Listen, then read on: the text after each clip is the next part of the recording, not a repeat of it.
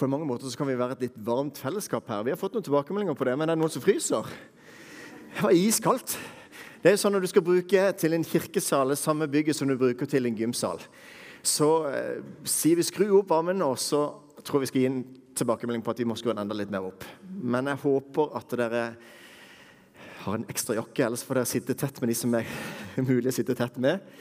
For nå er det jo ikke noe varmt fellesskap på den måten at en kan gi hverandre en klem heller. Men sånn er det. Men vi opplever det at eh, eller jeg synes Det er spennende å se nå Forrige helg så hadde vi en dekkoperasjon. Og Det var ikke en hemmelig operasjon, men det var en dekkskiftoperasjon. Og veldig spennende.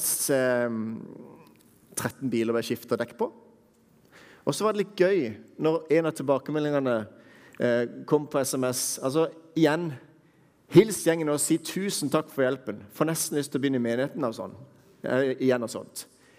Det er jo veldig koselig tilbakemelding. Men poenget er jo nettopp dette at godhet forandrer. Det har vært en spesiell tid for meg, fordi at av og til så kan mange ha tanker om hva det vil si med kirke, og ha sine eh, fordommer om hva det vil si med kirke. Og Man kan tenke at eh, der er det sånn og sånn. Og Det er veldig fint når noen sier at i kirka der dømmer de bare alle andre mennesker. Og så når de sier det, så syns jeg det er fint å si tilbake. Ja, men Det høres ut som at du er ganske god til å dømme, du også. Så det, det er plass til deg også. Altså, vi dømmer er av den smerten som på en måte en opplever. Og jeg opplever det at det kanskje, hvis det er lov til å si det så direkte Men altså, kulturredaktør Karen Blågestad i Fellesvennen har vært veldig aggressiv mot kristne. og Det har mange oppdaget. Det har vært veldig mye innlegg mot kristen tro. Og så syns jeg det er spennende når en opplever at Fjellandsvennen setter fokus på eller kjent litt på kroppen personlig når det har vært tøft å stå som kirke og bli kritisert. Men så synes jeg det har vært fantastisk det siste som har skjedd de siste to ukene nå. Um, hvor vi har gått sammen en styringsgruppe uh, og prøver å være med og gjøre en forskjell i Kristiansand by. Vi har lyst til å bety en forskjell. Og Fedrelandsvennen eh, har en kjempeflott artikkel på det. Vi inviterte Fedrelandsvennene til å dele om den nød som finnes i byen. For De har lagd en kjempeflott artikkel med byen vår. Og så har de gått og undersøkt hvor er fattigdommen, hva er det som er utfordringene for Kristiansand by. Ensomhet. Og sett på hvilke steder i byen som er utfordrende, og hva som er de største problemene. Og så har vi i tillegg vært fokusert på at vi ønsker å, å samarbeide som kristne. Fra den katolske kirke um, ja, egentlig så, jeg kan si det først da. Øyvind Augland fra Hånes frikirke som sier kirken blir aldri troverdig om den unnlater å ta del i å møte byens sosiale utfordringer. sa hovedpastor Øyvind Augland fra Hånes frikirke. Hensikten med dette initiativet er å bidra til mer handling for å løse utfordringene i byen. Og så er det litt gøy når vi står sammen Misjonskirka i, på, i Randesund. Det er eh, næringslivsleder, det er Frikirka, det er Misjonskirka, det er Blå Kors. Det er, dette er i Philadelphia med Øyvind Valvik. det er Ane Albrekk, som er i styreleder katolske kirke. Det er Den norske kirke og Freddy Berg, som er domprost her i byen. Det er vi som er styringsgruppa. Og da kunne stå sammen om å være med og bevege byen med godhet. Og så er det litt gøy da når Karen Blågestad skriver et samlet kristent fellesskap i Kristiansand med ett fokus. Det kan gjøre en forskjell. Kan det tenkes noe mer kristent enn å ville hjelpe fattige barn? skriver hun. På en måte så, så blir jeg litt glad. da. Jeg må få lov til å fortelle det. Vi blir glad, men så er det egentlig bare for å understreke én ting.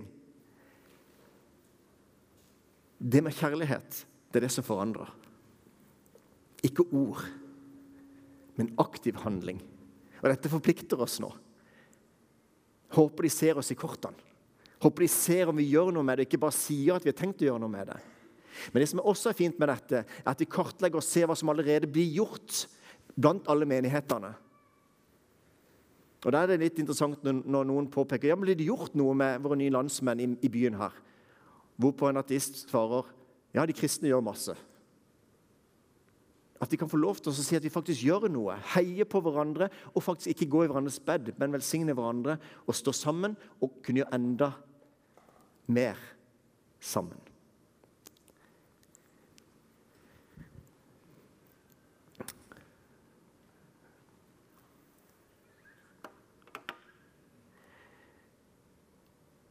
Forrige gudstjeneste, et par uker så hadde vi en generasjonsgudstjeneste. og Da viste jeg filmklipp ifra, ifra eh, Farmen.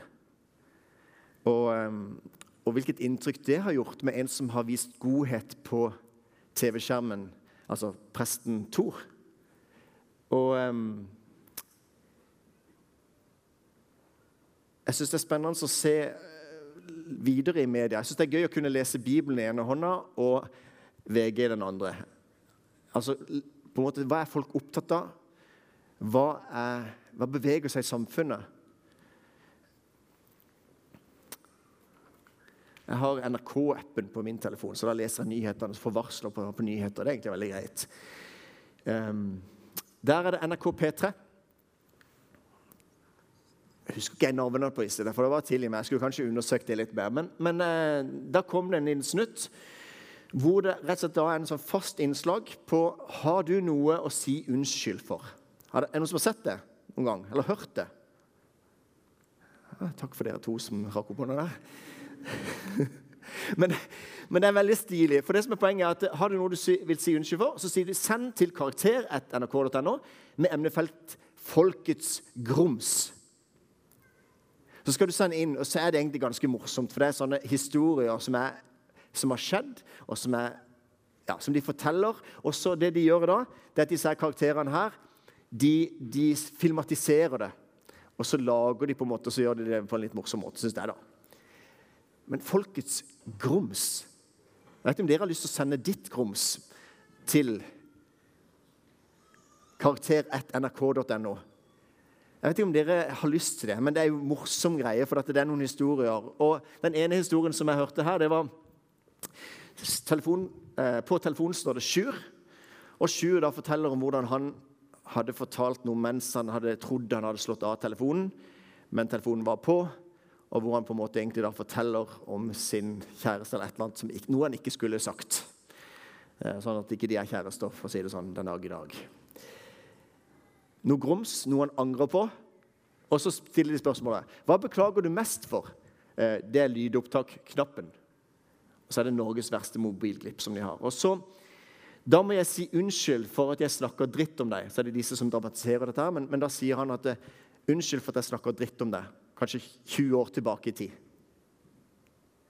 Og Dette er på en måte noe som han har gnått og gnagd på hele tida. Og så bare ok, Kanskje mest en vittig historie, men uansett han måtte bekjenne det. Og Det som er interessant, det er da Det de roper ut når de har fortalt denne historien, så roper de ut 'Du er tilgitt!' på NRK P3. Jeg syns det er litt morsomt. Jeg synes det er litt morsomt at det blir på en måte en slags offentlig skriftestol hvis jeg kjenner begrepet skriftestol. Hvor det på en måte du bekjenner, og når du bekjenner, så får du liksom syndenes Ikke tillatelse, men syndenes forlatelse eller tilgivelse. Men men det har noe grums. Og så er det litt morsomt da, at de sier 'du er tilgitt'.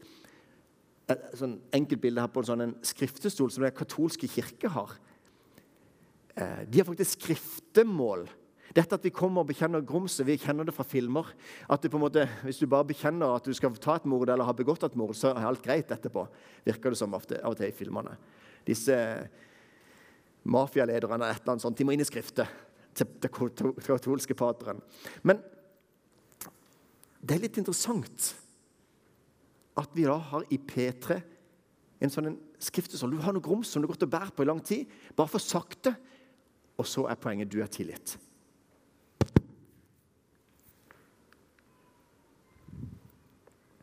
Jeg tror vi har litt å lære av den katolske, Vi har jo mye å lære av katolske kirke på mange punkt. Men faktisk katolske kirke har skriftemål som en av de syv sakramentene. Vi har to sakramenter i lutherske kirker, eller evangeliske kirker. Det er altså dåp og nattverd hvor vi tror at Gud på en måte har gitt løfter til på en spesiell måte å være til stede. Derfor kan vi på en måte døpe med vann. Helt vanlig vann. Springvann her ute fra. Det er ikke noe spesielt. det er ikke noe kildevann engang. Men Gud har gitt sitt løfte til det vannet, og da tror vi det. Og på samme måte med, med, med nattverd. Det smaker brød og vin, men vi tror at samtidig så har Jesus sagt at han vil være til stede i nattverden. Og så har Katolikkene de er skriftemål. altså De har faktisk da det som et sakrament, i tillegg til giftermål faktisk, og i tillegg til eh, ordinasjon og litt forskjellige ting. Men uansett, det er litt fint å tenke at vi trenger å lese av noe av det grumset. Nå nå må, jeg bare snakke for meg sjøl, da. Jeg skal ikke snakkes på, dere, på deres vegne. Men, men, eh, det er så godt å få lagt av noe av det grumset.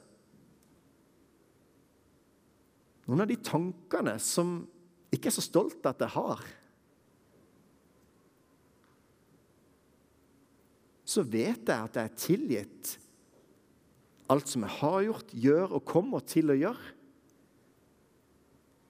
Fordi Gud har tilgitt. Ikke bare fordi noen roper ut 'du er tilgitt'. På hvilken bakgrunn kan de rope ut det? Men Gud kan rope ut det. Du er tilgitt. På hvilken bakgrunn? Fordi han syns det er flott at vi ydmyker oss? Eller han vil ha blod? Har vi egentlig skjønt hva korset er? Det som skjer på korset, det er at du og meg spikrer mennesker til korset. Fordi at Hvis noen har begått urett overfor meg, så er det ikke greit at noen sier bare ja, men det går greit. Det er ikke greit. Det er ikke greit å si at det er greit, for det er ikke greit. Er skikkelig ikke greit hvis noen har begått urett. Og det hjelper ikke noen å ha vært flinke og snille etterpå de har hatt urett mot meg. Det er ikke greit. Gud hater det onde som rammer deg og meg. Gud hater det onde, synden, det som ødelegger, det som river i stykker det fine. Men han elsker meg og deg samtidig. Så korset handler om å knuse det onde. Men når da jeg har gjort ondt, og det onde er i meg, og Gud elsker meg samtidig, så betyr korset, eller at Gud dør istedenfor meg, betyr at han elsker meg, men han vil ha rettferdighet inn i bildet. Han vil ikke bare si at det er greit. For det er ikke greit, det som du og meg gjør, eller har opplevd at det er påført oss, at vi er blitt ramma. Så vi må begynne der. For derfor kan, vi, derfor kan Jesus rope ut 'Du er tilgitt'. Og Det er derfor jeg også finner motivasjon til å tilgi min neste. Også når min neste ikke spør om tilgivelse engang. For noen i mitt liv har påført meg urett, og de aldri angra engang. De rettferdiggjør kanskje bare det de gjorde. Og de har aldri spurt om tilgivelse. 'Rune, kan du tilgi meg?' De har aldri spurt om det. Men for at jeg skal bli satt fri, så har jeg tilgitt det. Det betyr ikke å si 'det er greit, det du gjorde'. Nei. Det betyr 'jeg overlater dommen'. Det er ikke min sak å dømme. For jeg har begått urett overfor andre. Jeg overlater dom til noen andre. Men jeg må tilgi for sjøl å gå fri. Og den friheten som det gir å tilgi Ikke si at det er greit, men at ikke det skal få makt over meg. At ikke den personen som har gjort urett overfor meg, skal fremdeles få plass i min tanke og få plass i mitt liv. For det fortjener den personen ikke. Så trenger jeg tilgi for å sette en fange fri, for så å oppdage at fangen er meg sjøl. Så tilgivelse handler rett og slett om å bli satt i frihet. Og du kan, Hvis du tilgir andre som faktisk ber om det Hvis jeg har gjort urett, eller hvis jeg har gjort en feil, og sier 'unnskyld, kan du tilgi meg', så er det utrolig flott å høre fra et medmenneske 'Vet du noe? Jeg tilgir deg.' Det er ikke greit, men jeg tilgir deg. Og så blir jeg satt i frihet. Det er en sånn utrolig god følelse å bli satt i frihet. Og det er en sånn en ting som vil komme og gå. Det vil være ting som rammer deg, det er ting som vil skje deg. Som, som underveis, når vi går i dette livet her, så trenger vi å be om tilgivelse, og vi trenger å bli tilgitt. Jeg vil såre andre. Jeg vil sikkert såre noen av dere uten at jeg visste at jeg har gjort det. til meg. Men da kan ikke jeg ta ansvar for at jeg har såra dere. Da må du komme og si det til meg, så at jeg har en mulighet for å be om tilgivelse. Fordi vi vil såre hverandre. Sånn er det. Når mennesker er nær hverandre, så vil vi såre hverandre. Men tilgivelsen er ikke å si at det er greit, men det handler om å sette i frihet.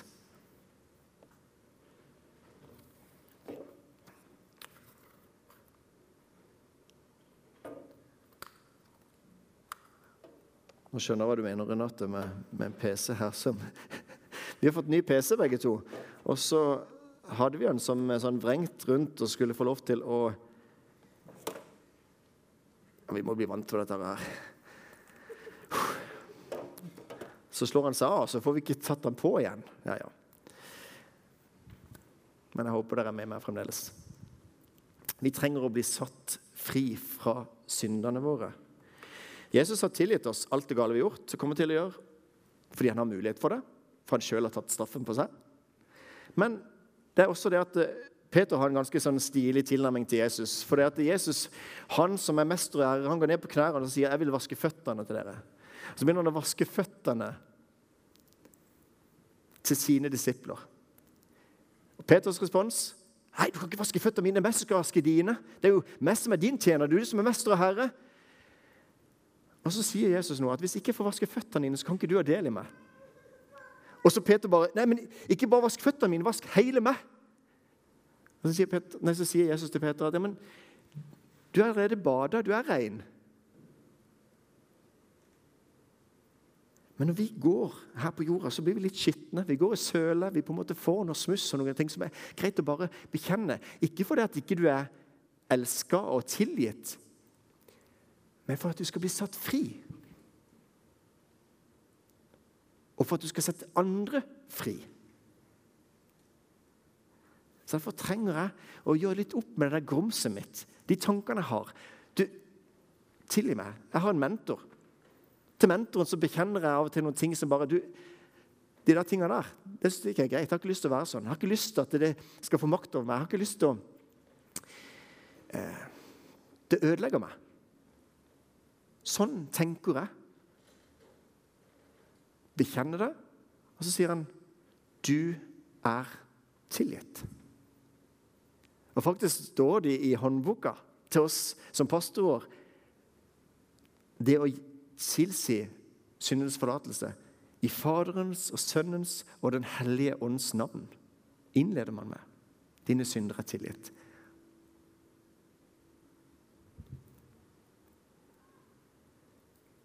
Og kanskje vi trenger en person Det er ikke sikkert at det er sånn at eh, meg Randi vi kan være ærlige og åpne på alle ting. Men det er ikke sikkert at jeg trenger å si alt til henne. Godt jeg kan si noe annet til en kamerat. Kan godt være si noe til en mentor. Men det betyr ikke at jeg ikke lever i lyset overfor andre. Eller kollegaer. Jeg trenger ikke si alt til dem, men jeg lever i lyset for at ikke noe skal på en måte binde meg eller få makt over meg. Eller i bibelgruppa, som er et sted som vi kan Hvis vi våger å være ærlige med livet Det bare er så fint. Hvis du er et mindre fellesskap og våger å være litt ærlig med livet, så skal du se hvor mye mer glad de andre blir i deg. For vi blir så glad i mennesker som ikke er perfekte. Det er ingen som liker alle de som får til alt. Så hvis vi våger å by på det, så er det så fint når en da hører om fellesskap i menigheten som er ærlig og ikke sier at livet er en dans på roser, men sier det som det er, og sier at det er krevende og ærlig med hverandre. Det er ikke noe must, men det er utrolig fint hvis vi våger å by litt på det. Så kjenner vi på at åh, det fins flere mennesker i denne menigheten. Det var godt. Det er flere som tenker sånne ting. Det var godt. Det er flere som trenger Guds nåde. Det var godt. Det er jo derfor vi er her.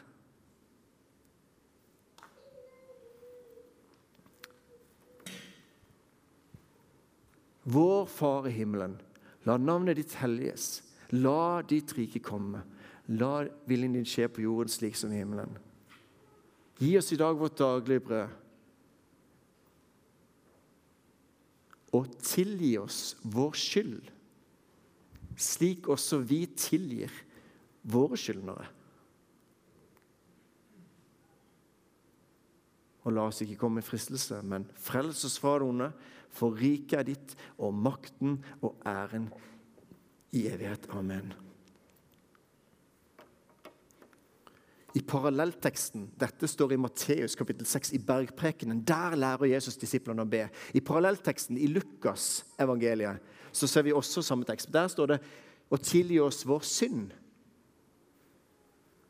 Tilgi oss våre synder, for også vi tilgir hver den som står i skyld til oss.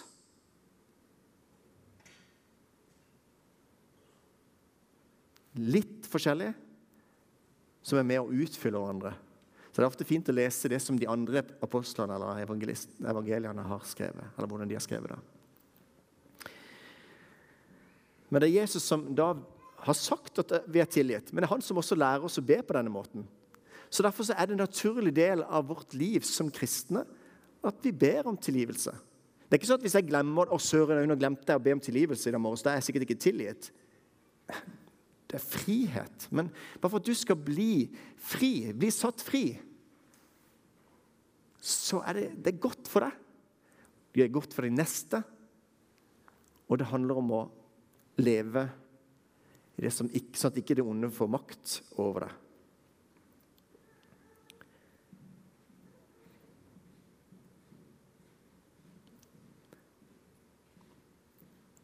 Etter eh, han er ferdig med å be denne bønnen Riket ditt og makten og æren i evighet. Amen. Så sier Jesus noe rett etterpå igjen, i vers 14-15.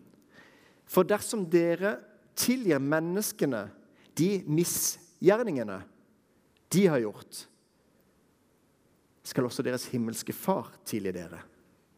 Men dersom dere ikke tilgir menneskene, skal heller ikke deres far tilgi de misgjerningene dere har gjort. Og så I Matteus 18 så kommer det en ganske brutal historie om en som fikk ettergitt hele gjelda. Og Det var sånn en ufattelig stor gjeld. Han hadde ikke mulig for å betale tilbake noen noen gang. Og når Idet han er blitt ettergitt denne gjelda, så går han ut og krever gjelda som mye, mye mindre fra sine nester. Og sier hvis ikke dere betaler, så skal jeg kaste dere i fengsel. Og så hører denne kongen da, som hadde ettergitt denne ufattelig store gjelda. Han hører om det, at han ikke gjør det samme mot sine nester. Og Så stiller han til regnskap og sier Du som er blitt tilgitt så mye, hvorfor tilgir ikke du det neste? Og så blir han fratatt, og så blir han ettergitt og så blir han kasta i fengsel. En historie som er ganske brutal, men som egentlig handler om at Rune, du er tilgitt ufattelig mye. Derfor skylder du å tilgi de neste. Ikke fordi at vi skal tilgi for at Gud ser på meg er flink, jeg tilgir osv., så videre, sånn at vi kanskje kan komme til paradis. Nei, fordi at Gud har tilgitt. Og ettergitt så stor gjeld, så skylder vi å tilgi vår neste. Fordi Gud har elsket oss som ikke fortjener det, så kanskje vi også skal elske vår neste som ikke fortjener det. Eller tilgi vår neste som ikke fortjener det. Og nå vil jeg ikke snakke enkelt om det. Hvis det er noen på en måte, noen har opplevd brutale ting i livet, så vil ikke jeg snakke enkelt om dette temaet her. Det er utrolig, utrolig tøft. Men jeg bare understreker et par ting. At tilgi betyr ikke å si at det er greit. Og samtidig at tilgivelse er en prosess. Men det handler ikke om at man skal på en måte si at det er greit. At det er det som er utkommet. Det er plassere skylden der og der, men handler om at du sjøl skal bli satt fri. Derfor er det fint å kunne ha noen å gå sammen med i en sånn prosess en medvandrer. Noen du kan åpne opp, fortelle hvordan du har det. De som er ansatte, er disponible for deg hvis du ønsker en samtale. Og vi har taushetsplikt. Vi har aldri lov til å si noe videre. Men det kan være en ektefelle, det kan være en person som står deg nær, som du trenger å bekjenne det til. Kolossene 1,14.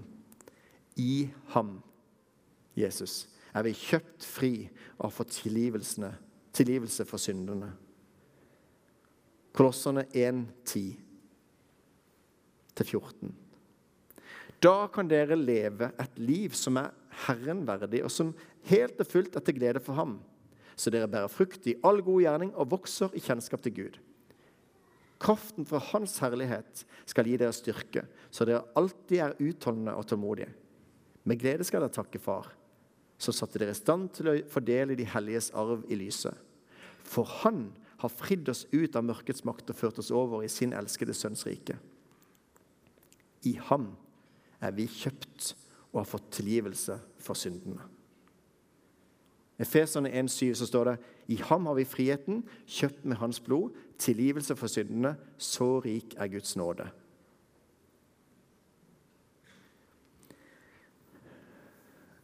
Det, det, handler om å få lov til at noe ikke skal få makt. Det handler om å leve i en frihet. Det handler om å få lov til å um, ja, kjenne at en skal rett og slett bli satt fri. Så Grumset kan være med på en måte å hindre oss i frihet. Det kan være med å gjøre at du ikke får en frimodighet. Det kan gjøre at du at du har tøffe dager. Og Det er egentlig det som egentlig er poenget med at vi skal bli satt fri. Fordi Gud ønsker det beste for oss og ønsker at vi skal få lov til å leve i frihet. Et ord som er utrolig viktig sammen med dette om tilgivelse. Så hvis du ønsker å leve i en frihet, så tror jeg nøkkelen er å gå litt dypere inn i dette med tilgivelse. At er som disippel, en lærejunge som det heter på, på svensk. Hva heter det på nynorsk? Læresvein. Lærling, lærejunge, læresvein. Disippel. En lærling. Hvis jeg ser på ryggen min, så har jeg en L på ryggen. Nei, jeg har ikke det, men det kunne stått det. En sånn en kjør, underkjøring, under opplæring. ikke sant? Fordi vi er alle under opplæring. Og vi gjør feil. Men det er mye mer sånn, vi er mye mer nådefulle hvis vi på en måte vet at det er en L på ryggen til alle sammen. For vi er under opplæring hele gjengen. Lærlinger. Og vi ønsker å følge Jesus som forbilde. Bli lik han. Det er mitt mål. Og Derfor så ønsker jeg å leve i frihet. Derfor ønsker jeg på en måte å legge av de tingene som tynger, og sette blikket på, på han som er troens opphavsmann og fullender. Jesus Kristus. Renate, har du lyst til å eh, spille kortet til 'Tilgi oss'? Tilgi Nei, 'Tilgi oss', er det ikke det? Det var bare en sånn sang som jeg Fikk du den opp der? Jeg skrev til deg under Nei. Det, en, det var en sang som jeg Hvis du bare begynner å spille på den litt Så har jeg av og til den sangen sånn når jeg sitter for meg sjøl, og så er det den sangen jeg kan på piano, så egentlig kunne jeg spilt den. Men det er liksom den jeg kan. Er ikke noe lyd? Kjetil, er du med på lyd på pianoet?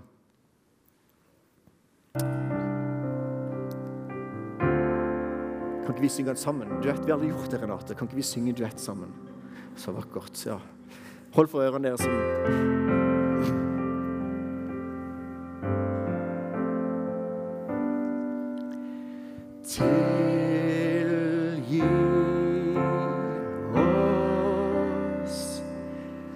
Herre,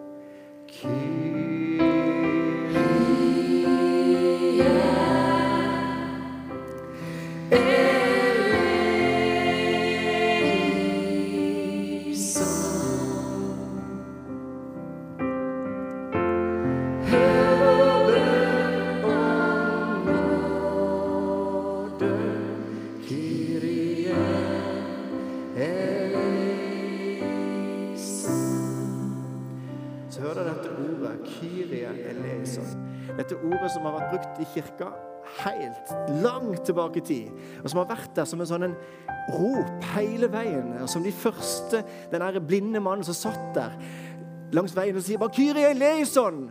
Gud Fader, miskunn deg over meg. Et rop som ble ropt, og som vi roper på samme måte. Gud, si nåde til meg. Se at dette er ikke sjans. Kyrie eleison. Gud, tilgi meg. Og så er det på en måte min bønn til Gud. Og så kan du gjøre det på din måte. Derfor jeg gjør det på min måte, for det var ikke perfekt. Men det ønsket om at Gud må tilgi meg, gå sammen med meg, sette meg i frihet til å leve det livet som han vet er det beste for meg. Bli med og synge sammen hvis vi, hvis vi klarer det. Bare på Gud tilgi oss.